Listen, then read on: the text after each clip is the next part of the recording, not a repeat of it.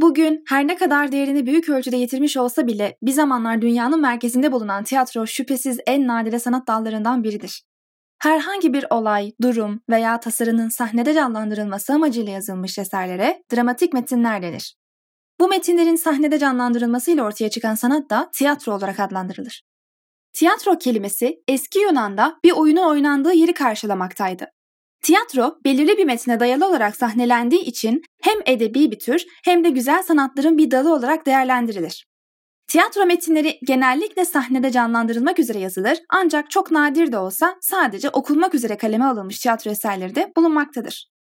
Tiyatro pek çok diğer sanat dalı gibi dini törenlerden doğmuş, zamanla bu niteliğinden sıyrılarak bir sanat haline gelmiştir. Tiyatronun kökeninin insanın doğa olaylarını kendi beden hareketleriyle temsil etme çabalarına dayandığı söylenebilir.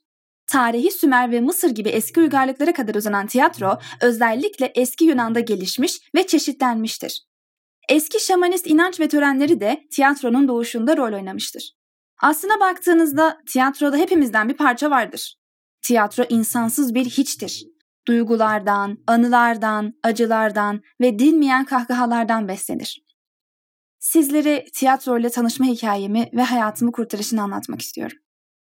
Annemle yaşadığım şehre gelirken beraberimizde bir sürü sorun ve manevi yük de getirmiştik. Bu manevi yüklerin yanı sıra beklemediğim bir anda tanımadığım bir çevre ve insan kalabalığı arasında sıkışıp kaldığımda henüz çok küçük olmama rağmen kim olduğumu sorgulamaya bir süre sonra beni ayakta tutması için bir sebep aramaya başlamıştım. Dünyanın benim için anlamı en fazla 100 senelik bir hayat ve unutulan duygulardan fazlası değildi. Bakışlarım boş ve donuktu. Bir çocuk neşesine sahip değildim. Çevremde kafamı dağıtabileceğim ya da birkaç saatliğine düşünmeyi bırakmamı sağlayacak hiçbir şey yoktu.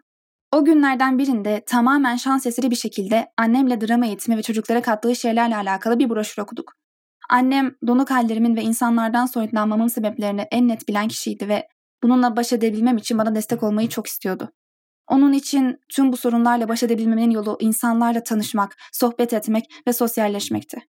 Bunun için dramayı uygun görmüş olacak ki bütün bağırmalarıma ve evin altın üstüne getirmeme rağmen beni benden habersiz konuştuğu drama kursuna sürükledi.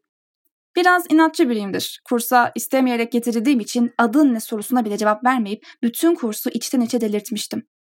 Birkaç ders böyle geçti. Evden çıkarken kıyameti kopartıyor, kursta susup oturuyor, daha sonra eve gittiğimde yine kıyameti koparıyordum. Ben söylemesem bile herkesin fark ettiği bir şey vardı. Ben insanlardan korkuyordum.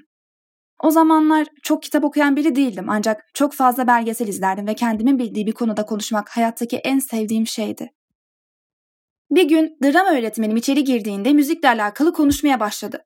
Pek anlamamıştım doğrusu. Burası bir drama kursuydu. Neden müzikle alakalı konuşuyorduk?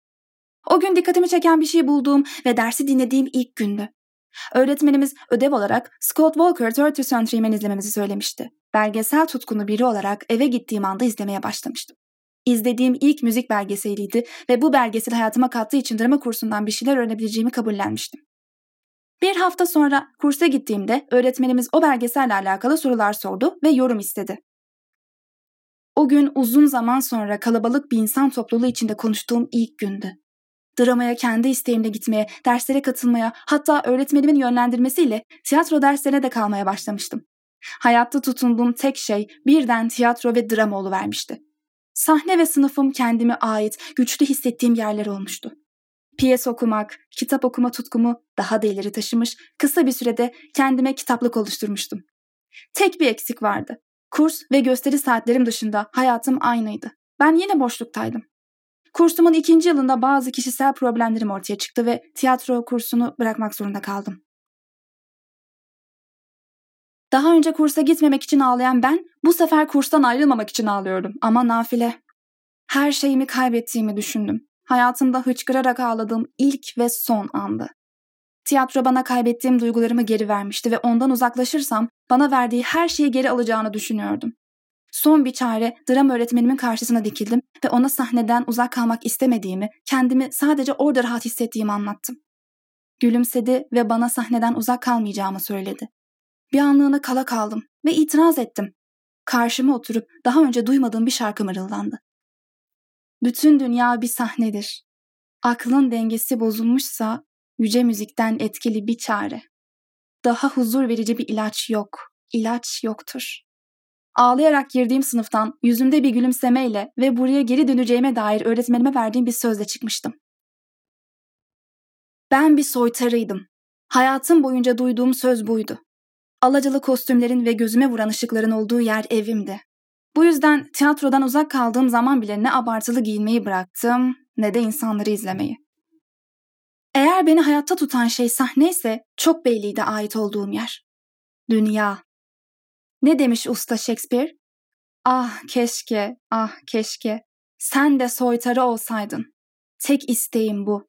Şöyle alacalı şeyler giyseydin. Soytarı olsaydın. Rüzgar gibi özgür. En fazla gocunan, en çok, en çok kimlerdir sana? Kimlerdir? Giyelim şu alacalı kostümleri. İçimizi dökelim. Dökelim ah keşke. Ah keşke. Sen de soytarı olsaydın. Tek isteğim bu. Rüzgar gibi özgür olsaydın. Eserdin canının çektiği yere. Soytarı olsaydın. Kurtaralım şu dünyayı hastalıklarından. Yeter ki katlansınlar acı ilaca. Giyelim şu alacalı kostümleri. İçimizi dökelim, dökelim.